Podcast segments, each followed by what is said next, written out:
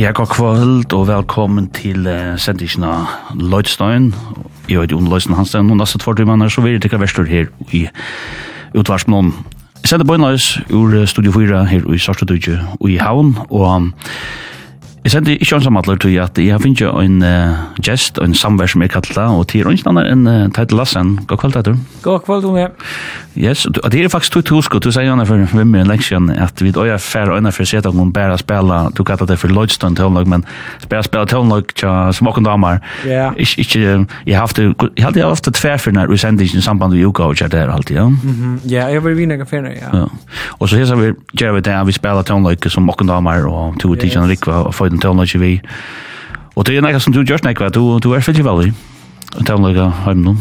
Ja, altså jeg lurte ofta etter sort Spotify og lurte etter forskjellige, ja. Men altså jeg hadde det ja det kommer fair sen det och så gäng det länk to ja i ordliga timme eller kanskje hvis man hvis man gärna kan tala så er man mett av mätt över. Ehm men men så så kommer det ofta kanskje sälja nu da jeg vet hun kommer, så lurer man ännu mer ganska. Eh det sender meg reip nu en dag, et eller sort lille videobrott, og det er bare boldre i brekka og velpass det, og ta fyrir. Det er veldig ringt, vet du? Ui, så ja det är ordentligt ringt, det där veldig. Ja. Tar det tar det gott att köra så så hör telefoner och smarttalarna eller vad det heter. Ja, det är inte det kallat. Öra buffar. Ja. Kirschbarn. Så ja, det var faktiskt kväll då är det också sån rocka lite. Men eh, men vi sitter väl och jag vant til sitter väl ute. Vi sender som sagt på när vi fra från Studio 4 så ehm till bara njöda så lötna sen rock om. og det det hendte när vi först skulle ta några på nu altså vi där finns ju några första låtagare vi snir Eurovision finalen eller går sier halvfinalen först. Ja. Nu var det så du du vart Liverpool. Ja, det går sig på det. Ja.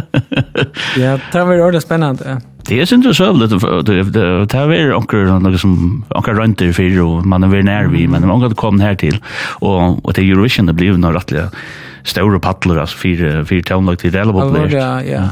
Ja, Eurovision är nästan very jock några brøyting, kan man säga så relaterat till blive ganska ännu mer koncentrera som ganska mer tillvid om kvätta är er, det ska kunna och vad det vill vara och så där. Det är, det är också spännande stäv nu att vara jag tror det verkar som det är mer spännande att vara vi i Eurovision nu mm. än ganska fyra 12 år sedan. Ja, absolut. Så det det är funnit omkring tona alltså mm. så ja. Alltså att lokomotiv voice i samband med sociala medier och det finns en renaissance så närmast. Amerikanerna kommer nu rösten vi så egna American Song Contest. Ja. Det kommer att vara på i Men det er akkurat bra sig ut och det är Riley som ska bo för igen. Kan tar med der, den första unga mannen. Jo, jeg halte att han är ett genialt bo och på på Eurovision. Altså det, det that you were mening mining out Og Och synes det som er just för spännande det kanske det att som vi där sen har så synes det att Riley kommunikerar syns ut över eh ta som sender bara framfor, alltså han ganska tåser ikke bara in the shower men han tåser ut och i TikTok och nätet Och og det var så ganska spännande att se att han ganska i sin framførsel för att spela på såna här tankar där mm. eh att det kjenner til till noen under så kommunikationsfält mm. och in i det här apparaten som inte ordentligt tar slussar som inte ordentligt öppnar upp en ganska till att säga kanske kan han in i Eurovision eh, uh, kommunicera ja till uh, til uh, Soul og, og TikTok heimen og, og, ja. og til Klikk og, og at lagera uh, ja, im, imist uh, Ja. Som, som, som man ikke ordentlig har brødene og som ikke ordentlig har hoksa om. Det var, var mobiltelefoner i høyre tatt, det var 2000, det var kommet da, det halvtid, men, men, men, men spennende verd, jeg var vant til at det ikke som du sier, jeg gav mening til hånden, og han kan bruke det her virkelig, nekka til at Stimbro fremja sina karriere. Ja, absolutt, ja. ja. Men, um, ja, vi skulle spela, som sagt, spennende rikka til og jeg husker at um, vi skulle bare leibe du i å få det første sannsje fra hånden, år vi snakket om for nek til vad då man var skal jeg jag si så det ja. det det skulle ikke være det skulle ikke komme over slått hvis vi sitter og prater om det men men du tykker det er noe gånt hon vi vi också bilder vi en sange som som som du tykker vi her som är kjente vi han är på något nutchen det är only a shadow og det er um, the cleaners from Venus ja Jeg tror så att läsa som att man hör det så hör man oj så jag har hört det förr så är det sån här sån sound ehm um, en tui det jag var inte som um, så The Smiths Cocktail Twins ja. et eller annet sort till ängst og til sort obskurt men men kjent med den känner ja så det hade vinylsamlare må väl hette här. Jeg, jeg kom fram till det jökten en av min vimman som samlar ölnäck på vinyler som säger du skulle höra sig en sån kultplada som, som man röjner at aja som kanske print, just sånn jeg för print av. Mm -hmm Ehm och och och så tar jag hört det så halt i isen jag har hört och det så totalt pop uh, nyla och och all the cool sound och har hört jag har hört ängst gitarr uh, spel som man känner från jag kanske The Smiths och kommer ja, ja, ja. och så där. Ja. Ska prova höra det. Ja. Yeah. Yes, det kommer här. Thank you.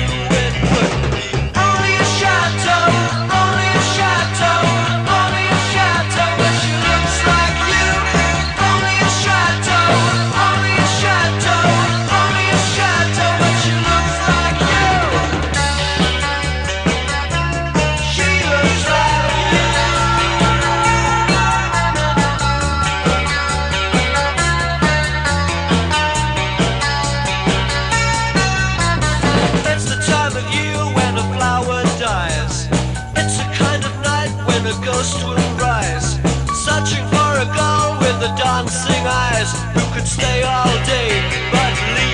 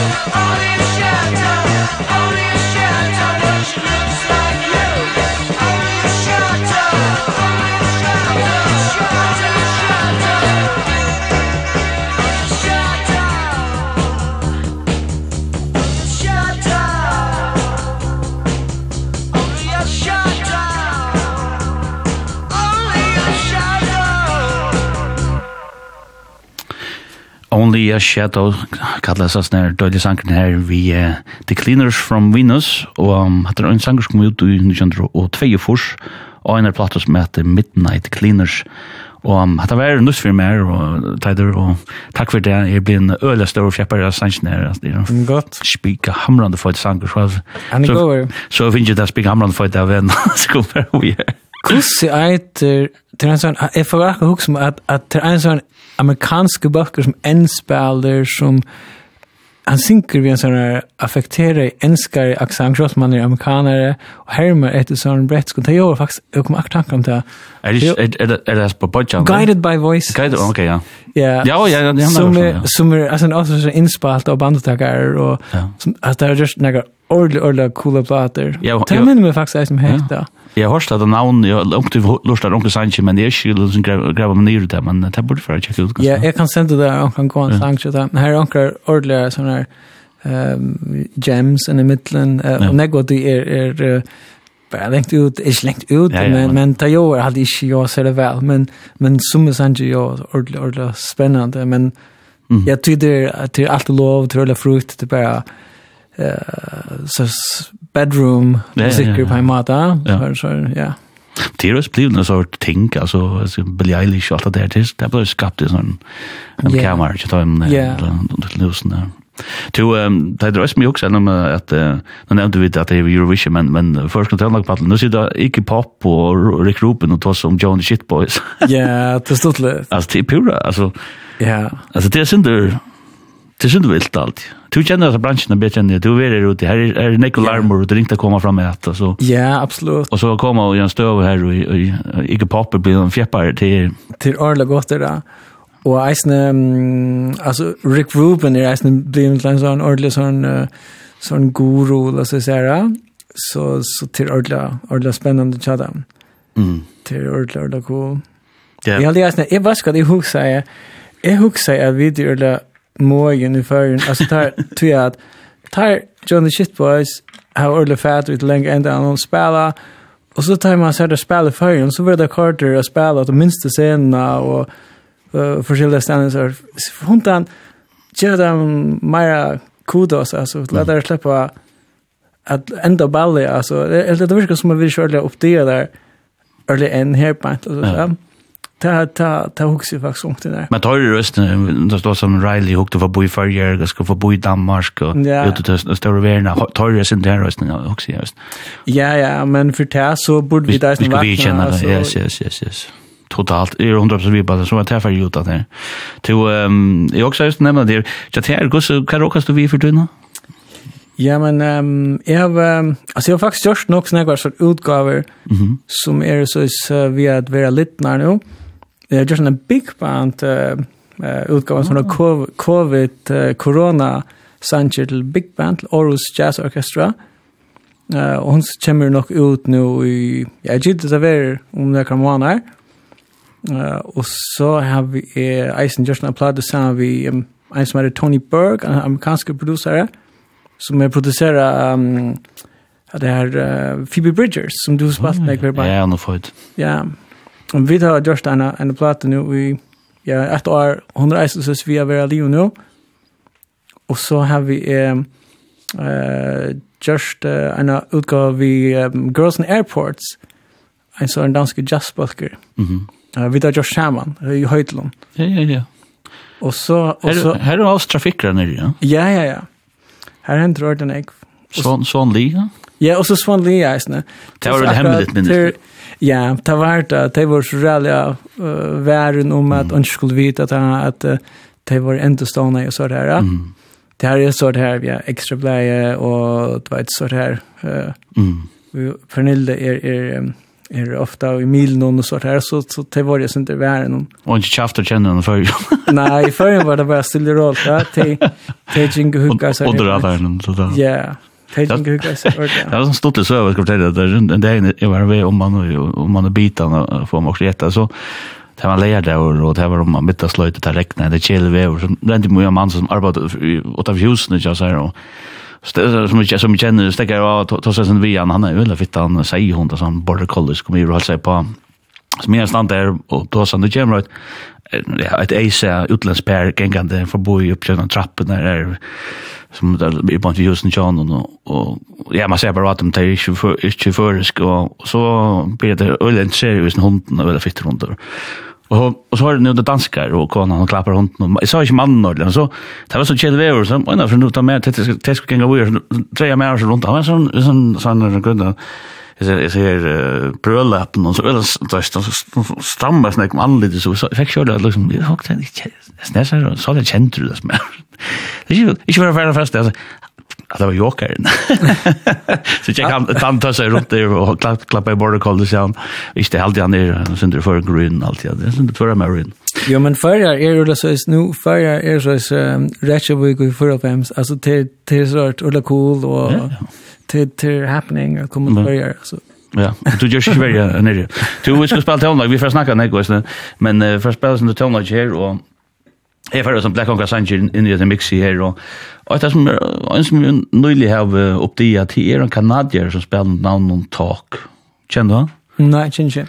Um, han, er, han er finnes jo et ordentlig hitvis, en sang som heter uh, Runaway to Mars. Mm. Og um, han er en uh, trivalig uh, unge maur, han er, du vet, men han køyre til nok så det glam rock slia fra David Bowie da man uh, fram til det. Og han uh, virker øyelig sjarmerende fyrer. Jeg kjenner som sagt ikke rannak til han enn, men, men um, men det är en en öla goa sanker och han synker og sälja vel så ehm jag också att um, hade rätt att lucka så då jag lade tona så där finna så blast vi rycknas ta det härifrån spännande ja så han kommer hem mhm.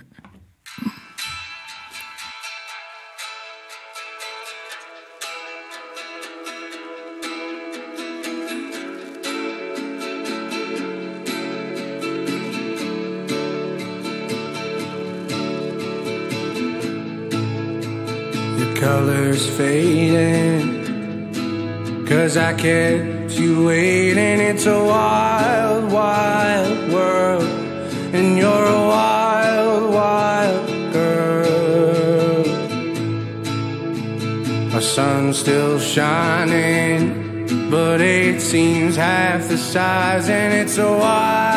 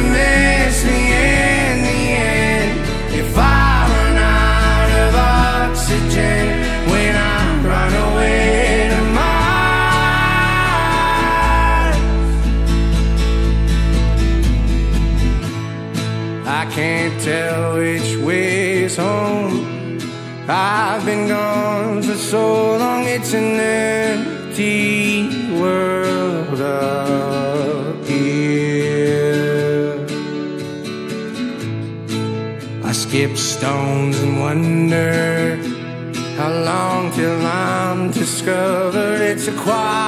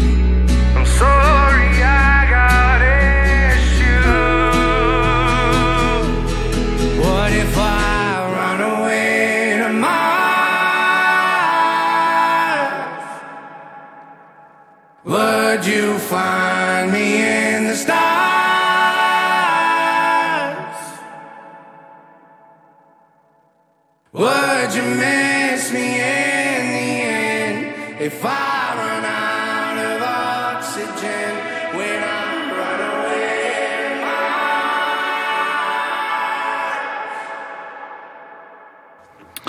Jeg kan nå hitte tja kanadiska Talk, Runaway to Mars, Og at det er her, eller her navnet Talk, stender en med som heter Nick Durcher, alltid det skuddas, og noen, ja, den er 25 år gammel, og da, sterske sanger alltid som har tid alt det vi vi glamour och och sen där diska sen där där Bowie universe och allt det på något allt det vi mars och allt det är på något inspirerat för Bowie. Och det vart allt man du ska lucka ansett en mikrofon och vända rätt där. Ja, det går strängen som du vill. Att det här du förstår bara en sångerkord att Bowie det var något Att du var kom in i det universum nu alltså. Det är ju försvårat att du. Jag vet ska är kämpa för bo. Alltså jag alltid varit med hårt det bo så också eh ja det var ett och det gott och så där men så så tar jag han föran tar han antar så Hej sån underlig känsla så kvui kvui är inte så avskar ut eller så så så får jag undra mig över att att kvui är mer skörliga dömde det egentligen eller kvui är har vi varit så nägg här och eisne um, köpte mer en hunky dory platna och ja du du förälskar det här och så det dumt det väl men men är short lär lust att mer några får finna men så, så jag hade det var eh var ju var Jens L. Thompson. Vi vi tossa om om om det och så ser vi han att när jag helt att att Bowie hans hans han var så en charm charmer snake charmer. Alltså han han manipulerar eller så han bara spelade show like och och rönde med några andra eller eller men han var så ärlig att det här var det. Mm. Men så säger Jens nej till tror jag att um, han vill inte vara så själv. Mm. Att han nämligen vill vill alltså till vi till vi vill ja till de damer så kör man så han vill vara en bättre version. Mhm. Och ta ta vänt i ett annat. Men så så så också okej tack tack ju faktiskt mening. Men så här fyra och um, för några månader sedan så var det en som gammal en sån en playlista. Mm. Vi uh, vi bor i som som är så lustig efter en morgon är över i timpermän. Och så får du på loftet. Ta man alltid nog så öppen för. ja. Så var kan man vara gråta det minst. Ja, det Så får så var det på loftet och så lustig att du ödmar playlist. Jag hade varit så han han ligger på Spotify som heter Why Bowie is Bowie. Här här det är för jag nästan allt katalogen. John. Mm. Och ta ta ta väl ordla så så omvänder och, och shit alltså han gör snäck av flott alltså inte och och Eisen kvart det är spännande tonläggare alltid öliga livande spalt och öliga väl sett samman öliga väl komponera. Att då är det väl har funnits sig samstadspartner då öliga balkar ja och jo jo jo jo alltid så jävla alltid så flott inspalt mixa och och öliga såna jerv väl vi instrumentering att spela en sang vid vad en mm. en harmonium en sky och en kassagitarr alltså det är här är en näck såna go artistisk väl uh, som som som är slowbrodande och inte inte inte nej alltså no. alltså han är tullvis uh, ordentligt på paletten och en imisk jo och nek forskjellige sjanker som man nesten försöker med så en next större konstnär än Jeg vet ikke, jeg var efter, jeg er bare, ikke ordentlig. Nei, nei, så du snakker om det på, det var mange sang ut det på, slett ikke. Nei, det var bare, det var bare at kom, kom til, tror jeg, at jeg snir, unge kanadien som spalte tak, han var inspireret av det, av et eller annet snir, og vi sikkert startet oss, alt det. Men du er jo en sanger som du, en som du ordentlig har blitt av, som du har til å. Ja, jeg er så spent til å spille etter, til at jeg lurer etter den nye platene til Fiona Apple, Og i minns vel Fiona Apple ta i Ever Nico i Kalifornien, eisen ut av hver hun, eisen reallig, altså er spennende. Jeg minns at det er har de spela, og så nu får jag det in i en liten spelsted som heter Largo, her som jeg eisen på det spela. Og jeg helt bare, altså hon, hon, du er simpelthen så vel, altså. Og, og, og, og så hever hun vært akkurat vekk, og i nekvar, et eller annet, vi platt sått med alle, og sånt her. Og det var sånn, sånn rørsla vi free Fiona att lukta det här. Okej, okay, ja. Att från ursatt malan. Men så nu så äntligen gjørst et, um, et album som så kom ut var 2021 lukta det. Ja, störst. Ja, som var absolutt en av de bedre ja. utgåvorna någon så er det Det var det. Ja, og så lustade jeg for nyligen at etter de etter, og jeg lustade bare en for etter, ett hadde hade jag i fyrstene, og så nu blir jeg lustade etter de etter, og det det är otroligt starkt. Och like likva rytmer likva nog så blues chant och hon är hon är illa så man hon tror hon alltid ver hon har en sån angst mm. uh, och så hästen när sjankren handlar om uh, ja om hator uh, som är nog så relevant alltså om vi ser vi ser hator vi handlar vidare uh, really akkurat som man ränner uh, och ger down vidare mm. att man man inte gör vi vi hator ja ska prova vi det där gör mhm mm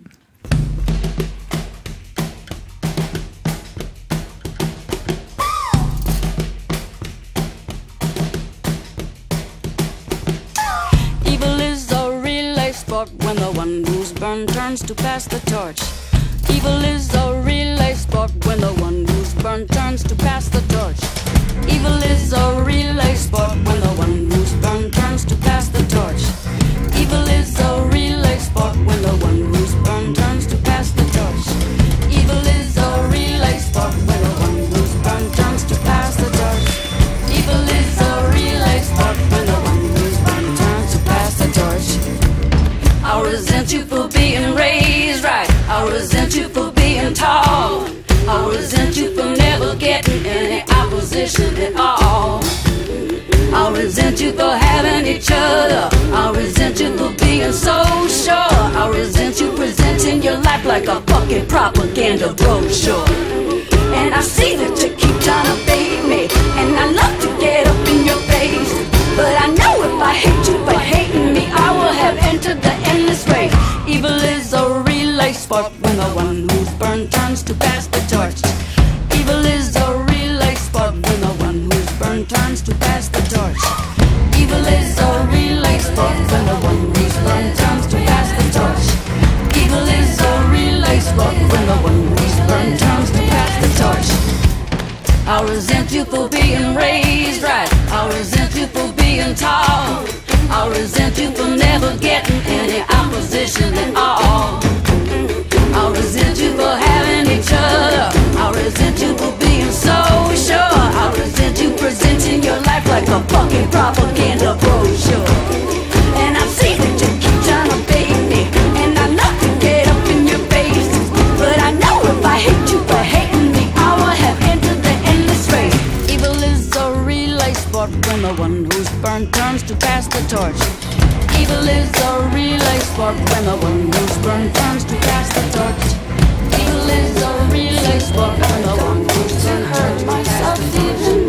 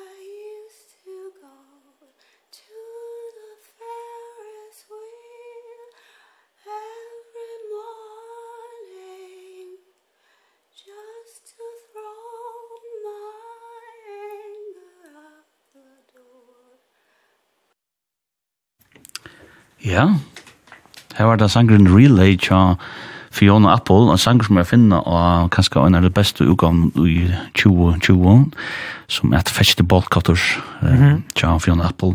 At det enda er nærmest ivrig sort blues, kan det være ivrig sort Ja, det var sort slavosang. Tribal. Ja, tribal. Og sånn det slavesang, eller sånn Ja, det virker som at det de bara helt ju fram ta i sangren värliver så så prövar det lika mm. synes jag var langer. En öle öle størst tone så kvinnan den er fra Janne Apple, og du, du nämnde så kom han här platan her, Fetched ball cutter skulle du 2020, och og det er platan så igen um, 2012, då han kom ju när platan, så det var 8 år i midtelen, så mm -hmm. platan kjønne, og 45 år etter hånden den där og, en, um, ja, en öle virt, och den platan var mitten där bäst och hon alltid, alla där man sier, stem, man ser att här tar listan är ju bästa platene till året, till här var hon overlig.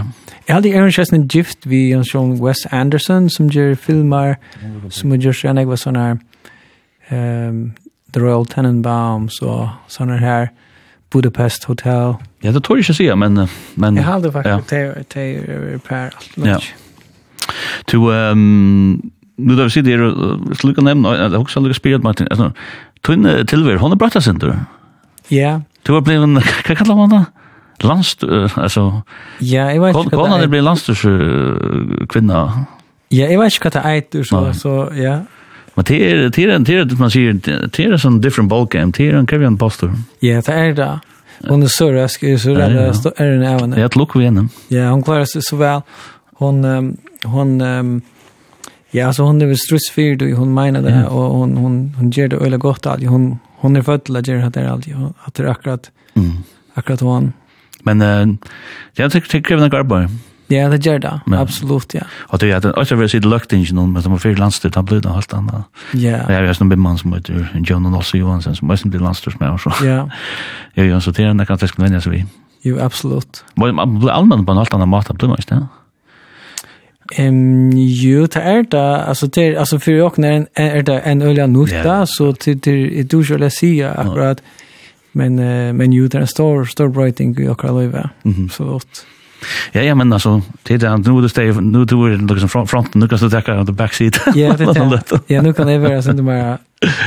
Ja, det är också spännande sang sang sanger det är av min Indus Nudge orkestron, det är ett en enskur balkur ur Brighton som heter The Heavy Heavy. Mm. Og at her er rettelig nøyt, at her er givet en EP ut og TTA, men det har finnes jo en ekva omtale i USA, og er av noe som er ved Ivra Slåjøknen i USA, og um, jeg har hørt den nøyt, at det er sannsyn det er givet ut nøylig, som heter Go Down River, og jeg heldig skulle dekke vi, og dekke nu ja, dekke nu her, og ja, han kommer, han kommer her. Mm.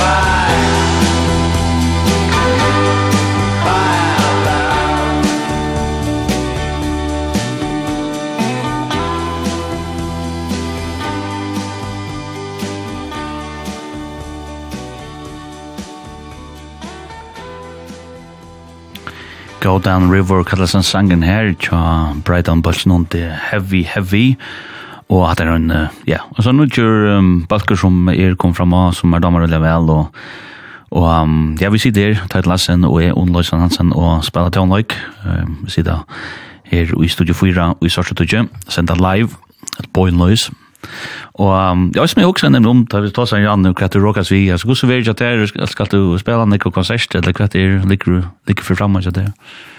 Ja, men det er mest uh, sånn utgaver som jeg, jeg arbeider vi fortvinner, og um, så jeg skal, jeg skal egentlig ikke se ut og spille, jeg skal spille akkurat enkle konsert her og der, men uh, det er ikke for oktober at jeg ferdig å spille mer, ta i min uh, big band utgave uh, mm -hmm. kommer ut, ta, ta skulle vi framføre og i, i, um, uh, i Danmark, i forskjellige kyrkjon. Ja, ja. Mm -hmm. Det er... Uh, det är men nämnt i av sort covid värska så det och det skriva och insp det inspilt spalt i Aros Domkirke domkyrkan sån sån stor rum så tar han en ejart till att vara sån stor rumklangs eh stövon. Här är Niklas Lotta kyrka i Danmark alltså. Är det ja. Så så till det som som är det regler mest bara det som jag ska framföra nästan så ankra enkla konserter i det. Kan man säga att, att du ganska blir arbeta med som producer och nu har du försäljare världskallan gång till äh, nämnde du näkrat om Jan Svanli som nu som det kom ut men att du arbetar med som producer är det är det rätt skilt eller? Ja, det går för några som är är Jerry Enomira. Alltså alltid just a ja, men mer så är ehm av och eller så så men nu har vi just en också lunch det säljer att när det är have a lie me in Jalis i Heitlon genialt koncept vad när så. Ja allvarligt ja. Ta tal det har faktiskt brått nog snägg mina möjligheter vad det kan göra och det jag faktiskt gärna att man kommer till förra reisen ja. Och så den är vi att att inte tumma att vara så nägg och att vara förälder mm -hmm og, og maver, så så så det det er, er godt å være hjemme og gjøre, gjøre värskatlan her, ikke pjøst at att Og så ja så er det ikke lugga så så spennende kanskje alltid att färra konsertfer som det har varit kanske. Hur gång den kvar ska man säga. Ja, jag har spelat några alltså det är ju tusen konserter ja. som jag har spelat uh, åt land så jag har jag har inte så redan behov för att färra. Mm. Det känns stort lite och och så, men Men um, det ska kanske vara og selv. men de är väl heter vi att man ger en verskatlan mm. att man skriver ett versk og doktorat, och så och så får man framför tärnagraferna och er sammen med time som man skriver av vi och Jag tror just att du gjorde så här sådana plattan, John. Det tog familjerna vi ju först, först, först till akademierna, var det Ja, det är nästan det som, ja, det är nästan det som man kan alltid vi, vi tonlärsna. Så kan du, kan du göra uh, forskjellige jag verkar att han är på handen med som mm. som ger det lätt upplevelse som som som en mat är det snä att söka hemmen på av först via. Så ta ta er Det är så näck som gott som man kan, men akkurat nu så, så trivs det ordentligt väl vi att bara vara näck hemma. Och istället du vinner en arbetsdag alltså. Ja. Och det, ja, jag är faktiskt näck på sjuka, ska jag säga. Ja, absolut. Alltså, det, jag har alltid haft ett lite sort arbetsrum hemma som jag har haft en ting. Men nu har vi knappt det möjliga för att uh, göra en fler ting och samla mina utgör. Mm. Och jag har snabbt köpt när jag inte utgör.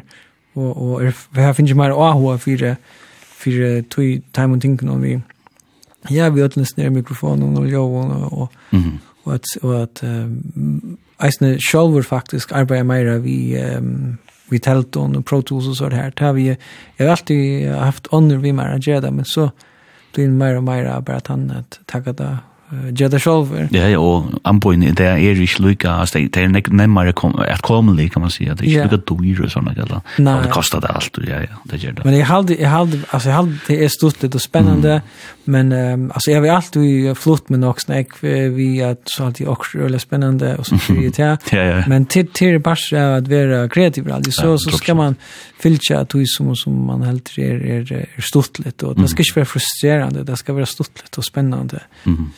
Så absolut. Du ja, tell like du du or teacher en Rick av Dalian Sankum vi spännande. Og vi feras voja, og som tåna desta lida. Ja. Vi har også om at det er Bossmans Holiday.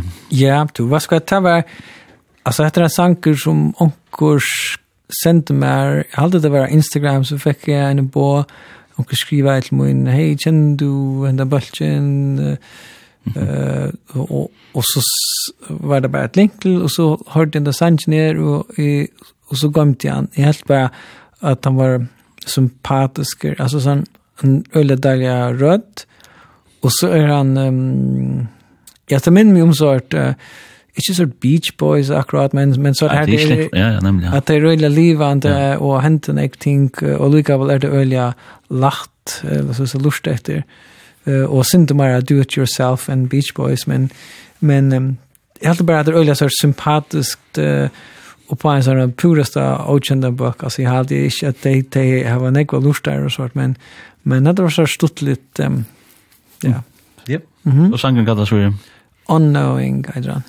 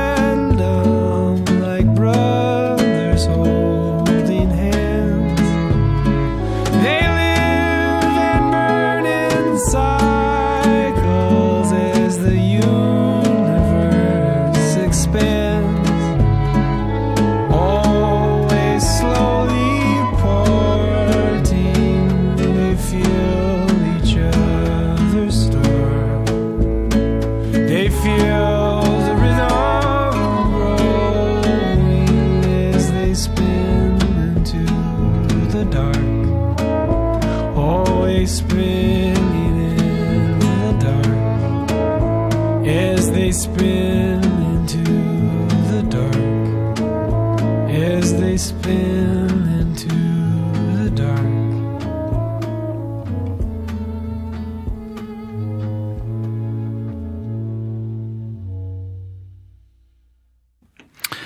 Zero hotekande sangres her, Unknowing tja bultjen on Bossman's Holiday.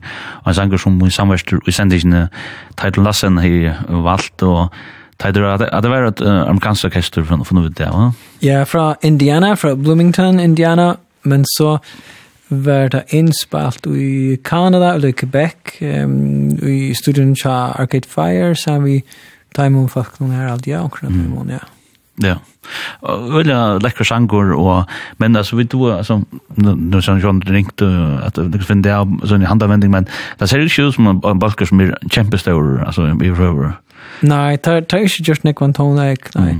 Det er ganske, mm Eh var det i 2016? 16 när sen kom ut, ja. Så det kanske inte just nej.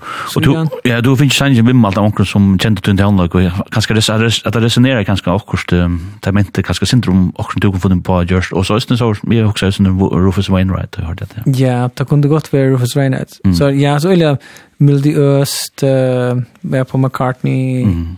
Mm. Spännande instrument instrumentering och sånt. Men då du fattar väl till något tider alltså. Vad är det du häftar det vi alltså är det det är ganska ölimiskt då. Mm ja, det är ölimiskt. Jag lustar faktiskt ölen jag efter ja, ölen jag kan imst kun changron.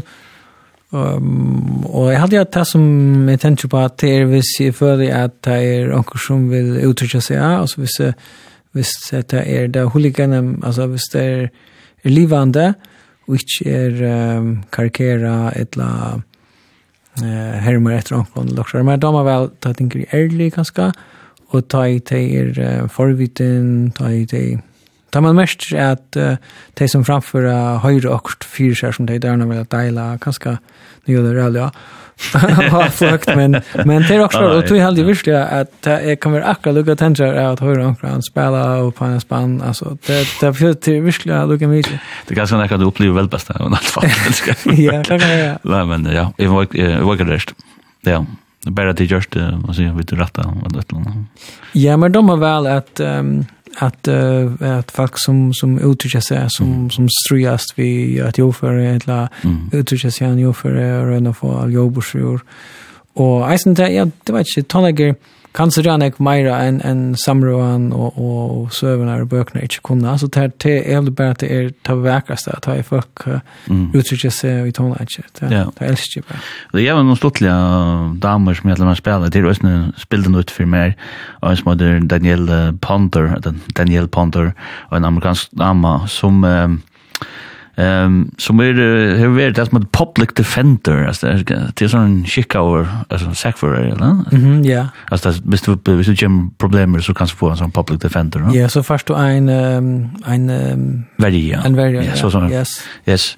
Och hon är hon damen är fan för boy fjord och allt det där hon är på så när kvar är snär är du hon finns vi tåla ganska så innan man det ganska inte ordliga ordla hent man säger att ordla finns ju hon kanske inte ordla finns ju håll jökn man säger men nu är det så knappt ja vi ordla får vinter sekten i USA. Halt en arbete som vi folk som arbetar vid Billie Eilish och såna kan och nu knappt klappa med höra man och i halt under ordla ordla Donald så jag också när servern var som stottlig och och sanken mig går att det skulle ta kan vi kvar där så långt och jag får ju också om det var för pappa men nästan han spelar han spelar han han är spänst för tror vi att han går i klaver.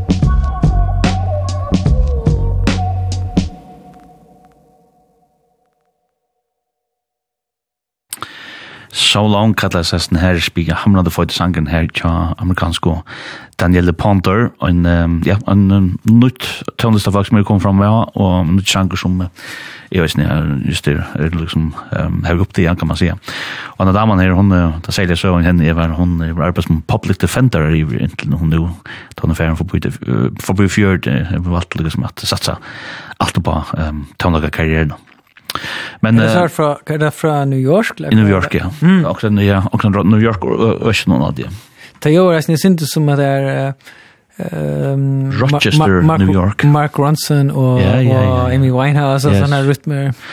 Kus en det här det här att det är att och det var en sort det är så college en sort studie som det här ju i Jorsen diskar där när det sound där och det tusen jag med vad man stig upp här på nu men det är kan han där Rochester New York det är bo här som Kotak för Christian ja var som att han ta man blir ta digitala myndigheter så så simpelt en on nästan ner. Jag har spelat några konserter i Rochester. Ja. Här det till bröttes totalt. Okej. Okay. Ja. Det han har bra ofta brukt det som döme eh att ta i ta i man ser ett fel att inte omställa sig till nutvinna så man inte göra något som Kodak gör det. Ja. Att ta tar tar tror att man stadväck för att sälja sälja filmer. Mhm. Det det det tar som man rädd ofta om man tar som Rochester. Det var så för att timmar norr för New York City. Ja. Ja, her var hun fra. Mm -hmm. Til, ja, vi, der, vi kom til en, altså, en sanger som vi da snakket om, altså, det er en, en, en balker som jeg har spalt uh, ofte i sendisene, men det er en sånn spesielt uh, fyrbygd, det er Salt, som ligger for nast fyrir. Ja, ja, jeg hadde en, til et, um, man kallar det for et kollektiv, men jeg hadde at, at det virker som det er mest det er en uh, som, um, som sitter vitt i, i, i London, hadde jeg, mm som är en sån studio cat och och som spelar trummor, bass, gitarr ofta ofta så gör det som alltså jag var sen det är onkel som inte du eller gott att, att spela för det var en dår det gör skid gott mm. men men han spelar på en sån reda dejligan uh, restrikterande insisterande mata men så det så super musikal så så slutar man så helt man att uh, det, det händer snägg men så öppnar det sig möjligt ting nu heter heter lei er kan jag touch något för jag ska spela alla men men men alla utgåvorna här här så och det så fullt att han lägger alltså det kommer ut en ströjen ström med just ja det gör det och det är öle i miskar utgåvor Mhm. det är spännande och så det ofta eh uh, hesa eine utgan eller anna um, button som sinja eisne som kode og det gjør sin som som drunchen som spiller fotboll utan fyra studiet vet som hey kom look in og ting mm. illa sin in the chances no man on look jag vet inte nej nej och snack då när det fuck vi alltså Michael Kunuka och såna kan vi ja jag hade just han producerar några Sanchez Adele hade just det så han han är sån eller då när det spännande en jag hade det var vart onkel onkur sånn kjent enske bøkker som bare uh, hørte akkurat uh, Tjona SoundCloud akkurat, og så fikk han at produsere uh, en plat uh, som er et av sånne kjente enske rockpop-bøkker, mm. noen som, som her han ble oppdager, eller sånt alt det. Ja, men det er sålt er nekka som er vi røstel skutja i Åndland og ja, i overhøver, oss. Men prøv å lusta etter hvordan yeah. stått er at det er bare, altså det er bass og trommer och gitarra och som spelar alltså kunde vi så rena jag men hade till så ölle minimalistiskt röra torst och och så spelar han uh, det bara så sån riff. Mhm. Eh och så ja att det är eller återhält ja så alltså knappt så tar en i chamber så spelar det bara det samma bassen gitarr spelar bara akkurat det samma. Mhm. Det det är ganska simpelt så ja. Ska bra höra så Johan. Ni kommer salt och sangen och angel. And long boy turn a rebel in the streets. And you say life looking incomplete. Well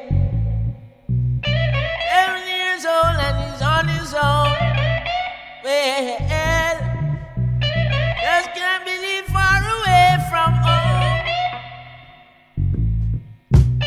Bad up the police now is running for his life.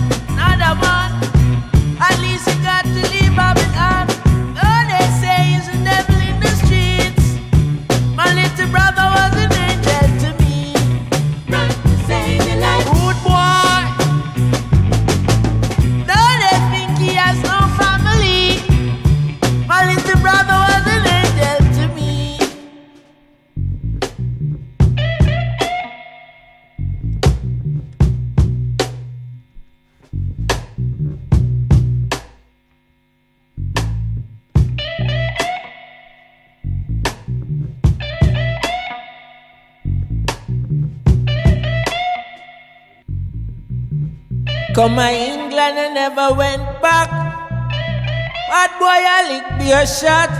Carry to 16 of I'm back. 45 and him have it from back. Rebel is a rebel is a rebel on the block. In it for life, no turning back. Give the street his heart and soul. Gave the street his heart and soul. He made his heart so cold. That it taught him to be brave and bold. Mama told him to take control. Never will surrender, no surrender, never fall. She never see her son grow old. Jaja love his children more than silver and gold. This is how his story unfold. Never see my brother no more. Can't replace him with silver and gold rather to receive his soul When gunshot, another one. He didn't want to live by the gun. No, they say he's a rebel in the street. My little brother was an angel to me. yeah. Run to save your life. Run to save your life.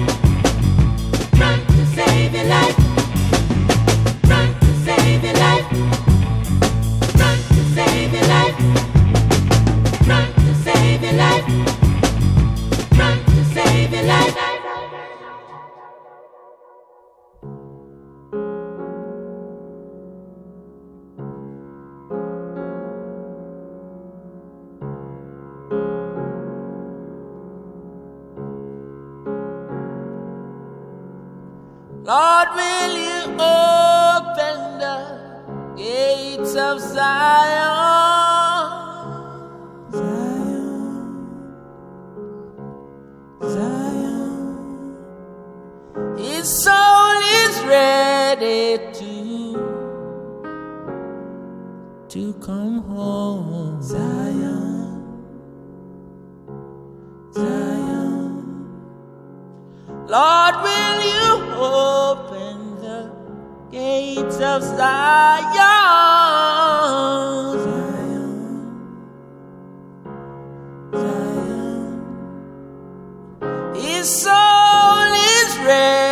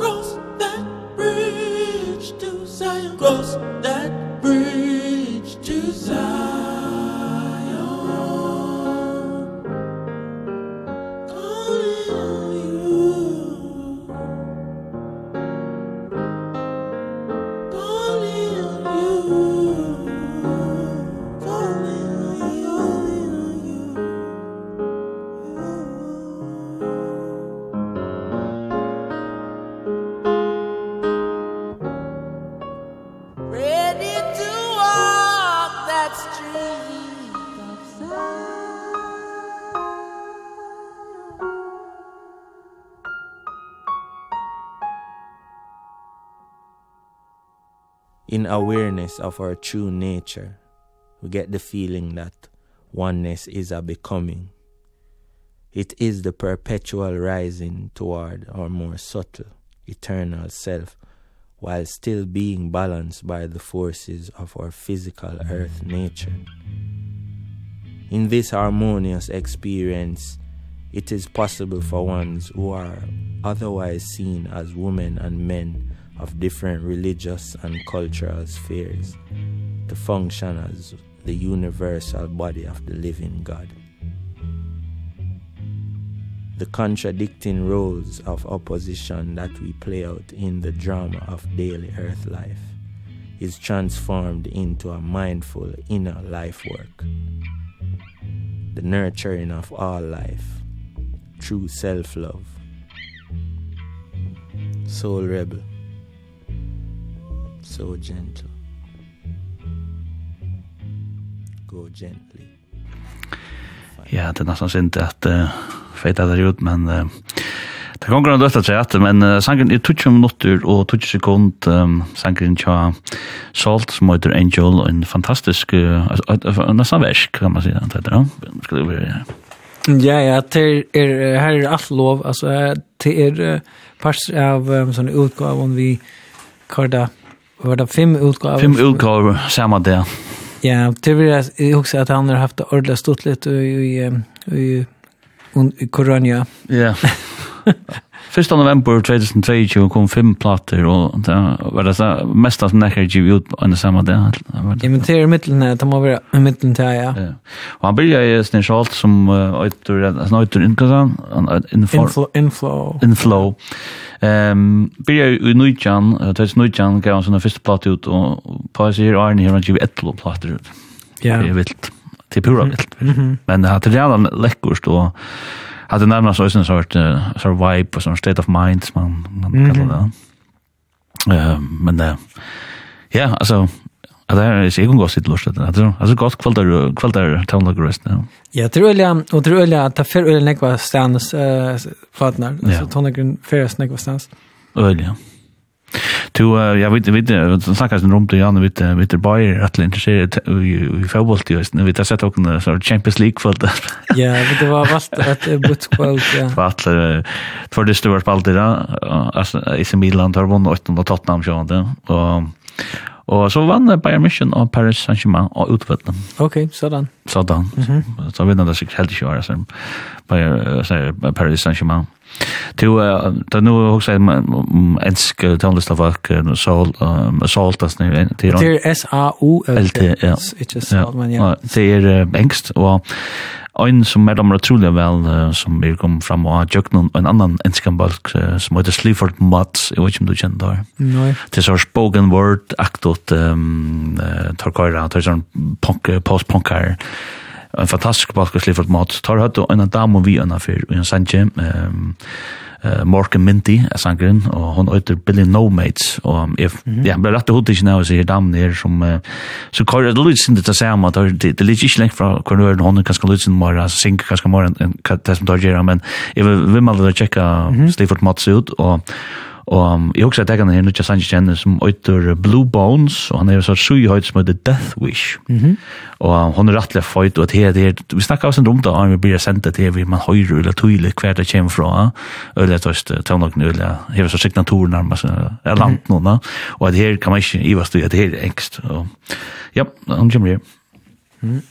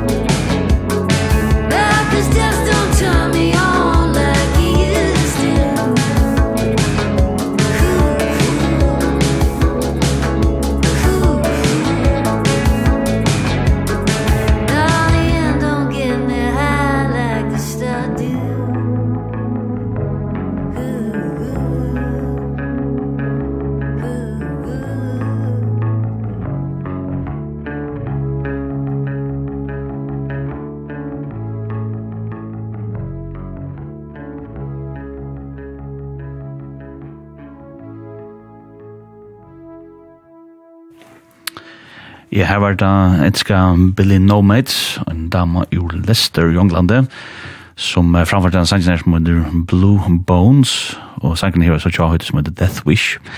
Og en dama som er dommer rødda vel, um, fattelig fyrir henne døy hørte henne saman vi Ulla Gåa, enska post-punk-bølts noen uh, Sleaford Mott, som jeg kan stelle ved mellom. Du kjenner det ikke, du? Nei, jeg kjenner ikke, nei. Så her, bare tjekka det ut. Du, um, Og som är som ser mest den här listan som du sendte sent mig in tonlage til resten er det stinker og och eller atter, og til till er så så vart nok så ja hva sier man seabold och tonlage eller hva sier man traditionella tonlage i mitten ehm men det var Torskaland som hevda sin trouble lötne eller seriously seriously støva som landet kom kommer Ja, jeg husker vi måtte spela en uh, torskiskan sang uh, og hette det er så uh, Det er som, um, hva er det nå?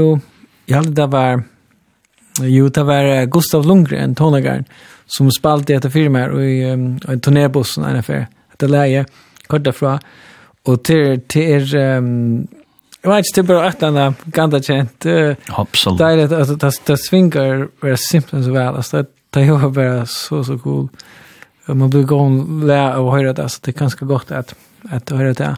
Mm tosa vi en en ur Torskaland og spalt en av sannsjen fyrir noen av telefonen og så ser han vi med at, at det är sanker när vi och troligen är som torskos kom filmon att det är så att läsa med allt det kommer att det är det köra i en bil eh Jöknen på en så, så är det en sån sanger som är nog så känt här nere. Ja. Men um, han heter Gurbet, heter sankren, og Östemir Erdogan etter den som, som framfører. Ja, man kommer hjem. Ja.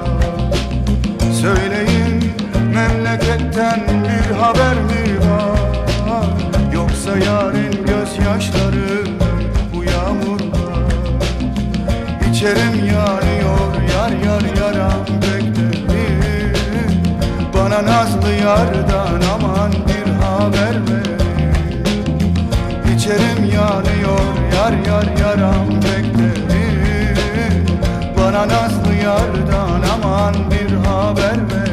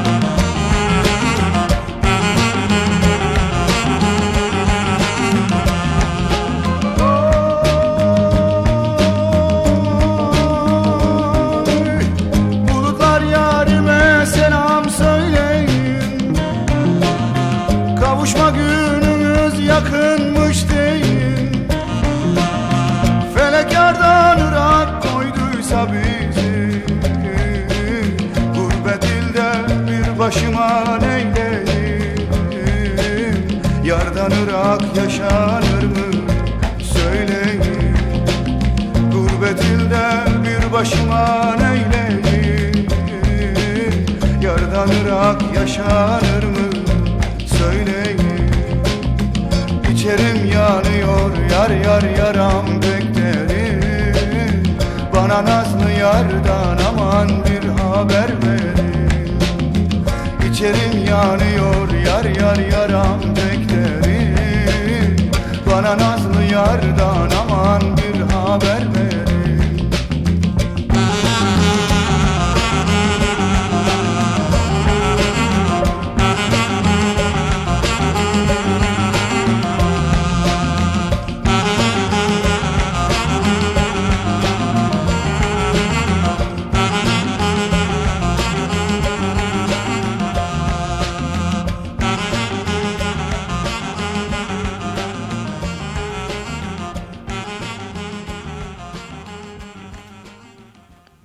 syngur best, kallar sangen her tja, jeg kan si at han er snær. Özdemir Erdogan. Erdogan, en uh, torskeskur uh, taldestamauer som uh, vi spalte, og som har syndra og sort, um, ja, shout-out til uh, Torska, uh, Torskaland som uh, hevet så svarsløytene i Østensyria. Alla er eh sikli og vandlokna som er hent her i samband med Jarsaltan som Jarsaltan som som er øyla sikli. Her er det jo med det livu krutch og corona og vad det og Underligt, ja. Och sån där naturvandrkrösten om man har tagit Ehm ja, som sagt så uh, tider uh, tætt lassen som er med samværstur her við sin senda bonna serie studio 4 og i sorsa studi i havn. Ehm to over the gen rikva og øl øl ja over den tonna jo der til rævla fevner ulla brått. Den neste er jo nekker jenta. Og resten, jeg heldig gikk under resten av som post-punkar i Eh Da er det Fontaines DC, ja. Ja. Jeg hadde jo kallat det Fountains DC, men det er är Fountains DC, det är uppkallat efter sån här karakteren i Godfather. Oh, okej. John de Fontaine, Fontaine, Fontaine, rakt jeg. Okej. Ja, det är en balk ur Urland, ja. Og så fundar det av omkring amerikanska balk efter samma och så fikk det så DC som Dublin City. Nå, okej. Så skilt Mhm. Føyde balk. Ja, onkel balk. Ehm, ja. Och där har där har var, Ja, att det är att man man höjer att att ta komma inte från Amerika eller England eller ett annat sort. Man höjer bara vet på nu det heter. ta ta ta till ett annat sort det syns så chanting aktigt eisen visens vi som sanns någon att som är rättliga spännande är att det är såna stämmer som som såna såna coachstämmer som syns att vi det mindre syndrom så sort ja chanting nästan mm. så det sort munka. Ja ja, ja. så där tar är også ju sån man säger nog så man säger fötterna nog så fast planta ut i urska det kallar plattan för skintifia och det är också lokalt ehm ja kan säga kan kalla man ta ora för katolskt eller protestantiskt jag vet inte. Ja nej akkurat det men ja. Ehm ska bra en sån här? Vi ska se gå så åt sanken Ja, jeg tror ikke det uttalt det. Nei, jeg vet ikke, er det, hva er det gaylist, eller hva er det? Hva er det, det er det gaylist, det er ikke det? Jeg tar den flåst, men jeg vet ikke. Men altså, det stender inn or krøyte godeo, nu finner jeg bare på at uimenda meg hos man. Gaylist, ja. Ja, det er gaylist, ja. Inn or krøyte godeo, atlan godeo, det er jo mest jo god. Inn or... Detroit. Du kus en nerv. Jag vet inte. Jag tar det till svårt, Jag vet inte. Men vi tackar dig. Man kommer Mm.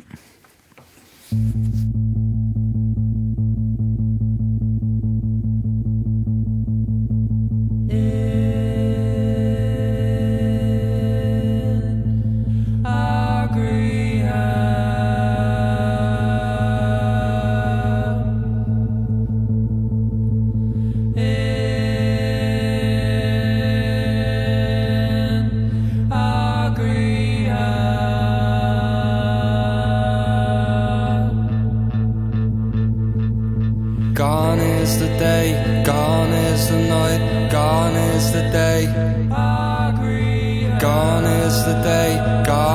is the night gone is the day.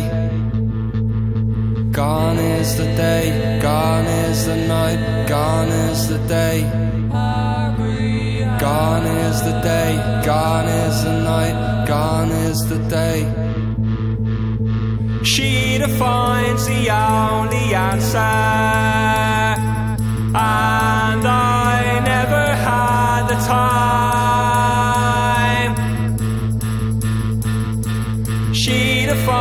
the only reason.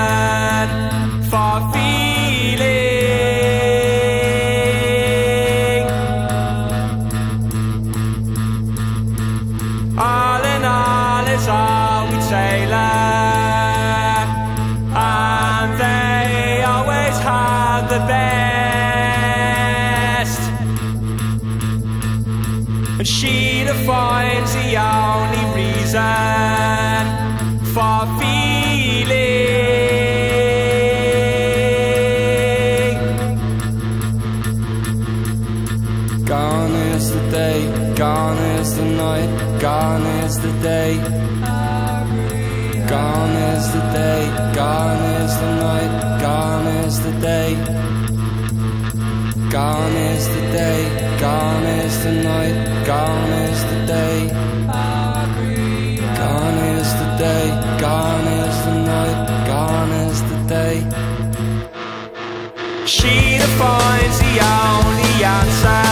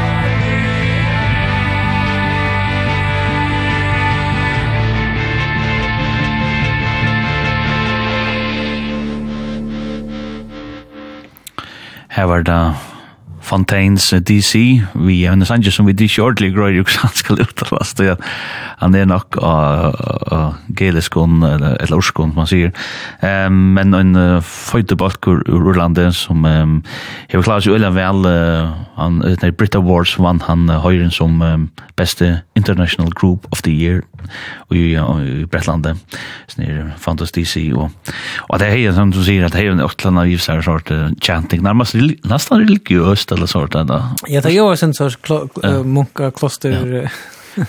Og tar ja ja at det tar det diska ganska synd då heritage eller man säger arven alltså det ska då snu ehm ja sankojt här som inte ordentligt det och säger det också gott då Mhm. Och tvär vars bara sån sort tvär akkord alla vägen. Ja. Ja, ja, hota kan det och spännande allt just. Men det Britta Wars är här är en annan balker som vi tar om nu med sang record i wet leg till en balker ur I love white som är bara champions då på onkanto ja. Ja, på annars på att är allt just där. Det gjorde allt gjorde en en för sanger och så och så hade bara spelat runt om Atlanheim och Lucian och vunnit Eisne Grammys vunnit det faktiskt Eisne. Ja, det gjorde det. Störtar eller det är det är fyra aldrig, men det er tvär jenter som er i front og ja. og, ja, det er også slett. Ja, ja. det er sånn gong kjøtt ofta i, i bransjen, Ja. Ja. To um, ta det vid sitter og sända en bönna i studio fyra og jeg tog en gång kjøtt, og vi tar en halvann halvan timme efter efter sändningen. Ehm en sanger som tog dags vi her, um, som ehm Madame Dula väl som inte kände men det er en som heter link uh, link Ray eh my brother my son at Sankren men uh, snir evra særlig så snir la særlig konstnær snir ja Link Ray ehm Nick Chen kanska han som er sånn gitar ehm Vi heter som er en sånn sang som heter Rumble, som er veldig kjent instrumentalt. Jeg hadde ikke Quentin Tarantino no, ja. bruker han i dang, dang, brang. Det er så kjent så dang, dang, dang som är alltså tema ja, som er brukt någon til Link Ray og som nek kjenner han som er Link Ray. Er det fra, fra det her? Uh, Pulp Fiction Pulp alltså jag hade ja. Ehm um, her er det ganske det mest så populärt känt men Link Ray var er, var så en alltså Native American Indian mm.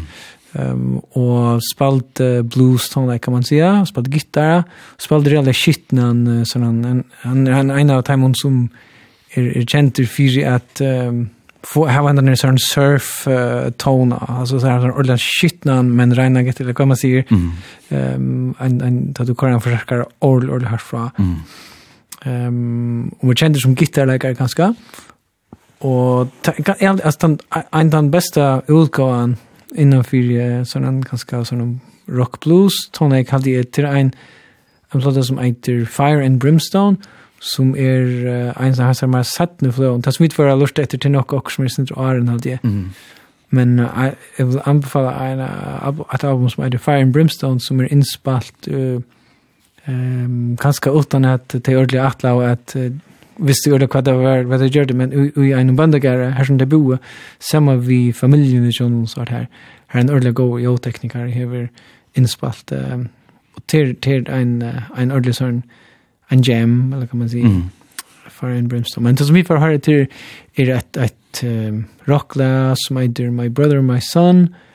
Som, ja, det bara jobbar alla cool till ett väldigt enkelt. Mm. Orgel och, och gitarr.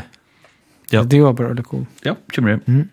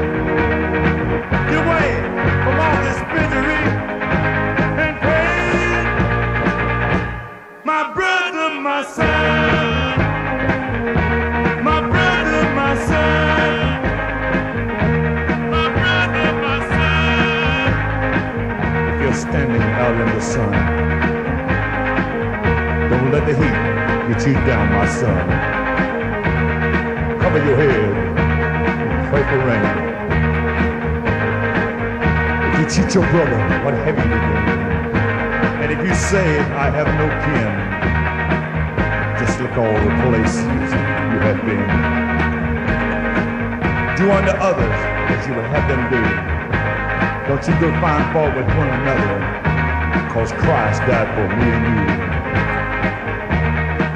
And don't you pick up a gun and see your brother down and then go cry on him as they lay him in the ground. And if you're standing out in the sun, don't let the heat get you down, my son. Cover your head and pray for rain. Get away from all this misery and pain. My brother, my son.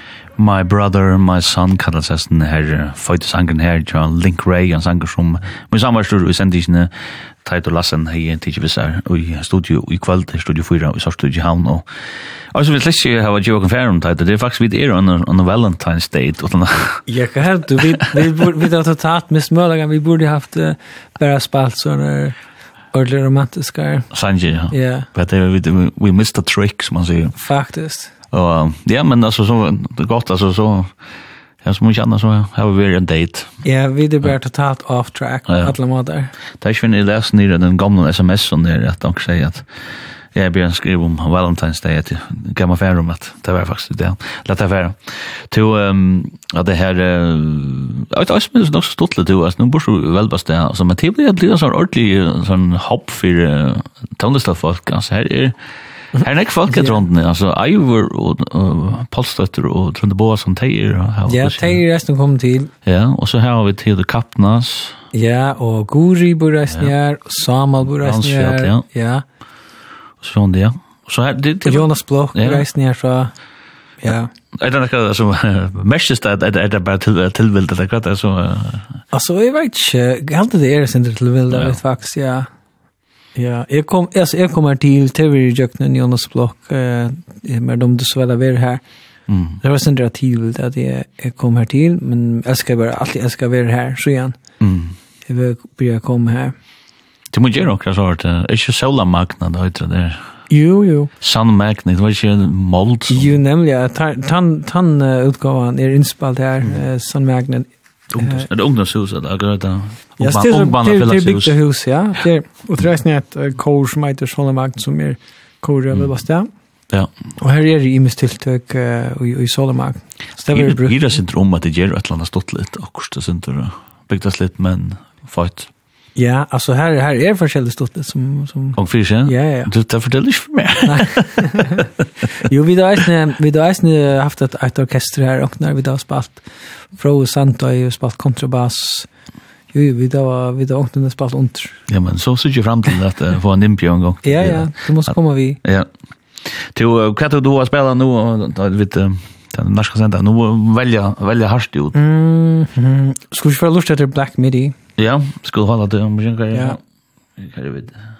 Ja, du finns bättre det. Ja, vad kan det där? Ja, men det är det go country skulle jag säga. Ja, det är en en sån unker nutcher bretsker basker isna. Mhm som spelar svart prog rock kan man säga så svart matematik rock på hemma som kanske lägger tankarna av sort um, King Crimson kanske. mm eh så ikke Genesis, Tullia Genesis, det var sånn her. Altså, helt, uh, bittlimmer inn, men er prog-rock, prog-rock, og synder inn at det mye kom inn at det, er det bare? Ja, det er aldri faktisk det er. Jeg har um, nek som, som tås om, om det, um, jeg innspallte en, en utgave i en uh, brasilianer som uh, heter Rafael Gimenez, og han sier seg at være inspirerar han av bara prog rock. Just med Tollegren John och jag släckte som prog rock. Men han spalte för uh, italienskan italiensk an prog rock tonlag för mig som ombart isen i eller annet trendy jag vet ikke, eller och sort som jeg diska. Um, Men jeg vet ikke, jeg halde att, at i Bretland är det så att um, rocks vi jazz, alltså yeah. heter vi att uh, prog rock er eisen nek vi att du spelar og du för och och du er då vel å att uh, og ofte er det så det telja takter skifta nek hon är inte någon og och att det er ikke bare så is Bob Dylan er är inte klara spalt gitarr vet om när det är så där till till till är rättliga tekniskt faktiskt Uh, og, og det er faktisk rett cool, og det er det som er damer er vel vi, vi er som børsene, det er til til tonelager, altså det spiller, til spela og sin jag og, og mener det og, og och det nok slengt ut altså det er rettelig provocerande. uh, og, og eisen tar tar visuella uttryck det är stort lite till till är bara förfra ta jag det inte som som sort uh, jeg vet ikke hva skal man si ja. altså det är för nek ødlån men yeah. på den beste madan um, og hva mer kan man si jo altså det er jo så um, det är så intellektuellt alltså så så det tas om ja om Baudelaire och Stravinsky och det där det utlöser det reella så är skrapper under mhm. allt vidande typer du vet det?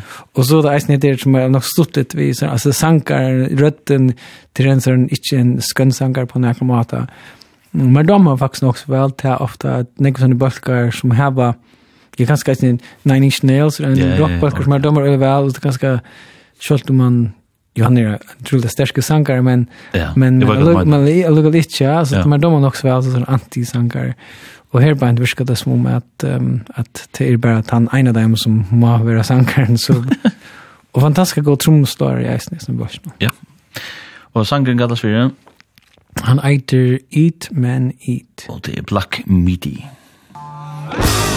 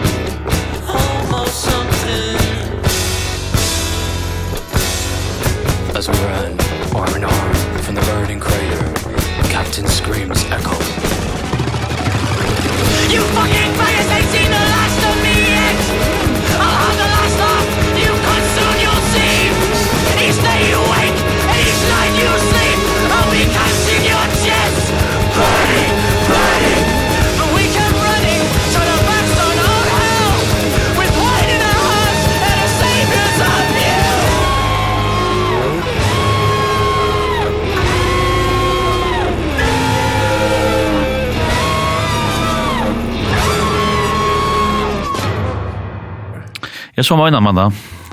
Eat, men eat, tja, Black Meaty, at det var, at det var prog rocker som vill näka, um, ja, men altså, olje, altså, interessant, altså, avverst, altså. Ja, det er olja, olja, altså, det er nok uh, först, eller midt i tjuen, tjun och olja, och, og det der er nästa album, olja. Ja. Ja. Olja spännande, men, men sånt, ja, ja, visst kanskje ikke det mest lort der av vinnene. Nei, kanskje det er flere som er ferne, helt ferne Valentine's Day. Men uh, vi tar også tid um, Ja, vi förblöd det sin mer upp att det är till annars att vi tackar till rösten för att en kvå till till en en säljarman. Ja, Bert Bacharach som ju är en en sån sangskrivare master ja. Mm som har skrivet løs om uh, raindrops keep falling on mm. my head og um, Real den jeg var sant. Ja, Alltså det Diane en worry, Sanchnar, tar lustig jo, eller jeg vet minst det. Um, så ja, han er färden så til häskan det vi spela och kort bird backrack och men de hente den her, what the world needs now is love till det snacka gott att se nu. Ja, 100%. Og, och förlusta hur hvordan vel um, det jag var, hur så det är syns ni är balansera att det är skruva upp på halva kärsta matar men på den goda maten alltså det er Det er ikke for kärska også det da nei men det er ting som er um, alt for speglar fra og så også er alt for herfra og men det men det er just vi intentionen altså det det er det er det dorst altså det är uh, dyr dyr upptøkker dyr jobber og nek folk spela Og lukka var så er det, er det spalt vitt, at det ikke bare så er uh, at det var fantastisk av alt. Ja, kjemmer det.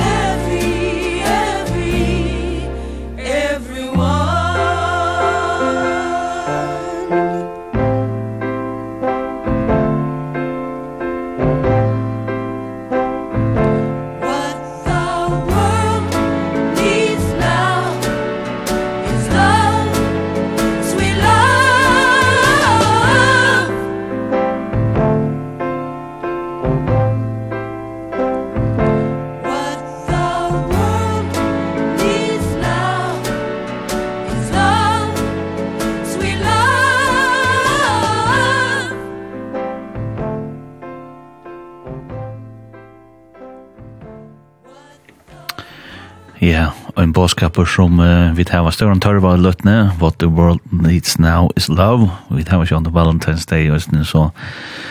Og så det var kanskje huskene vi spalte en sang, uh, og ikke minst uh, en sang til Borste Bacharach, som uh, nå uh, tyverre døye, men han var også I halde han var 94, hvis jeg ikke minnes skjølskøft, skøft, um, så han var nok metter av døven. Men um, døye, døye sanger, og godt å kunne høre han. Da er det uh, norskast uh, enda sporten her, og vi har nekka sanger vi gjerne vilja uh, spela og mitt uh, sleppa folk. Og du var en først kan sang vi. Ja. Og så er det ovant det igjen. Jeg er ikke sånn ærlig ved at vi ikke spiller meg først eisene. Men, ja, men det er så, ja. Ja, ja. Men her er en. Ja. Jo heter en um, mer og gløtte. Mhm. Ehm mer og gløtte. Det er uh, en rastutlig artist, altså her er en nekv Jag sa som ikke ordentlig, ordliga har lagt mest til, altså, jeg har lurt at jag vet du. Eh men så och kväll så dachte jag att så var det rätt imponeret over hvordan jeg är ju det Og så er det en intressant samansette balkur, altså. Ja, ta ju var eisne, alltså som at man ikke hever så nägg man reagerer til som man hever, og, og brukar sånne, sånne värsta ja så att ta ju var så jeg här det var um, det det det bara det bara ordet gott alltså genialt. Mm. Det det allt ju. Hur skulle så där stå innan med alltså med och klart hur kom fram att det knappt det det bara en tillvill. Men jag hade light dig efter först kon först kon tonläge som inte kände ganska. Ja. Jag hade bara lusta i brown side bara. Just det var först.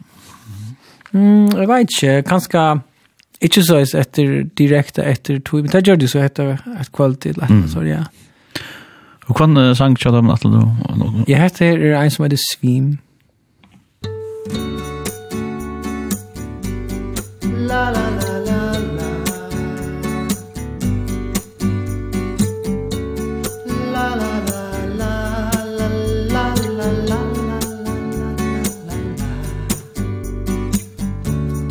Lidom at drukna ui egnon år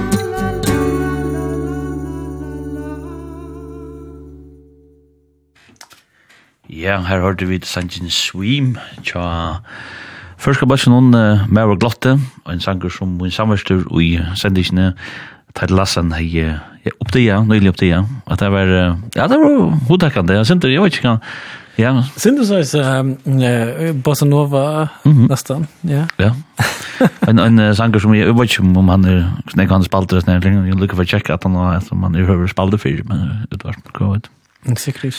Men um, da du videre kom til den denne sendingen, vi tar sitt her og og ta som talen og og og i tvær dømmer nå. Det er veldig hundra litt. Du har selv kommet i hoskoden at uh, kom og få bo i spela Lloydstone talen nok som det kallar det.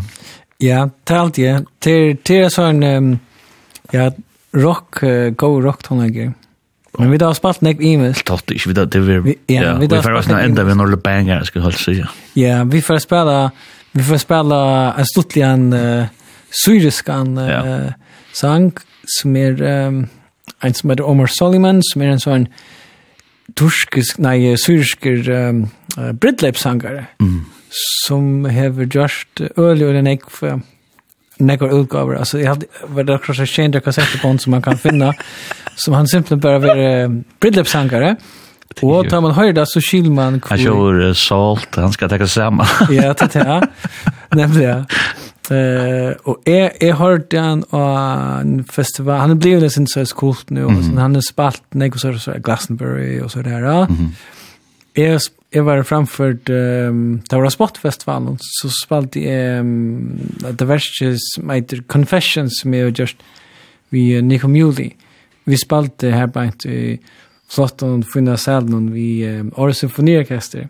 Det var en flott konsert var det men så så så om kvällte så så får vi så ut och luftet för skämt hålla jag och så spalte Omar Solomon in i ridehuset i i ja i år så här. Och jag blir inte dansa, det är dansa inte. Men det var bara omöjligt att, att stanna stilla. Alltså det, det, var, det var simpelt så god stämning.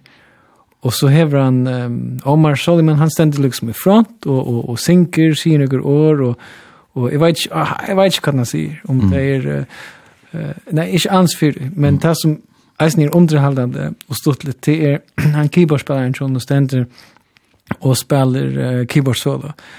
Rævlig, rævlig, rævlig, rævlig, rævlig, lenka keyboard solo. og, og en sånn uh, kork uh, turbo, et eller annet keyboard, og brukar rænek for den der pinnen til venstre som benter, og, mm. og det er simpelthen så herligt, altså bare stand og spela det är sort all all det alltså man inte må mm. man måste stanna och spela keeper så så lunch men det gör han bara. Mm. och jag minns det att uh, morgonen efter och, och hotellen så så var keeperspärren Eisner och han han han uh, han sa purast av vanlig ut kobberboxer och han men han uh, han var ordentligt alltså rockstjärnan alltså tack tack mm. men Men han lutsar altså ikke, ikke en som, som spiller av Glastonbury. Men uh, bara ölla stått mm. lite stått lite stått och det jag var eisne, alltså det är det inte som man ser preset jag i keyboarden som jag och guslet alltså som man twistar att man hör superstar i stället man Den får ikke for litt. Nej, man twistar nu ska spela ator, och så kör allt maskineri så bygger en bassur och tror allt till till här det är det eh egentlig ja, men mm. men det är just på en ölla coola mat. Det vi känner isne ehm Leonard Cohen släpper isne stab yeah, yeah, ja, vi har spelat så nu så nu presets i och en keyboard och och och det där som heter är ja, för det mesta så är tonläggaren där. Mm. Men det är ju tog att det ska vara till uh, bridleip och man ska dansa och man ska tar en, en sving om viset när mannen och, och nu är någon och ödlon. yes. ja, det er jo veldig godt. Og, Jeg får si, att jag fick fyrt at du tog texta till det där och till att det måste göra något at du. Ja, tusen tack för det. Det var det dejligt. Ja, ja. Och takk for at du tacka tonlag vi såna Ja, Tack för och och Valentine's date. Ja. Kul visste ikke aldrig för når du kom Nej, det var nej. Ehm och ja, jag förtäcker så sent en legend då hemma så när jag sent en som er kvf.fo, framskak Lloydstein. og kommer også nu till Spotify og som Pottwarsp. Ehm Og um, ja, jeg har en Facebook-vinga som heter Lødstein, så han ferdig, og Dami han kom i Rus i Røs, og gav noe skodden. Um, takk for i og, um, og gav etnå vi etnå til skalt, og nærmest frem til, og jeg gleder meg til at innbjørnene til at det er velbaste til treff vi her. Yes. Takk for det, Jerem. Men um, vi får enda, vi er en ordentlig banker, her kommer uh, Omar Salomon, vi Veno, Veno. Veno.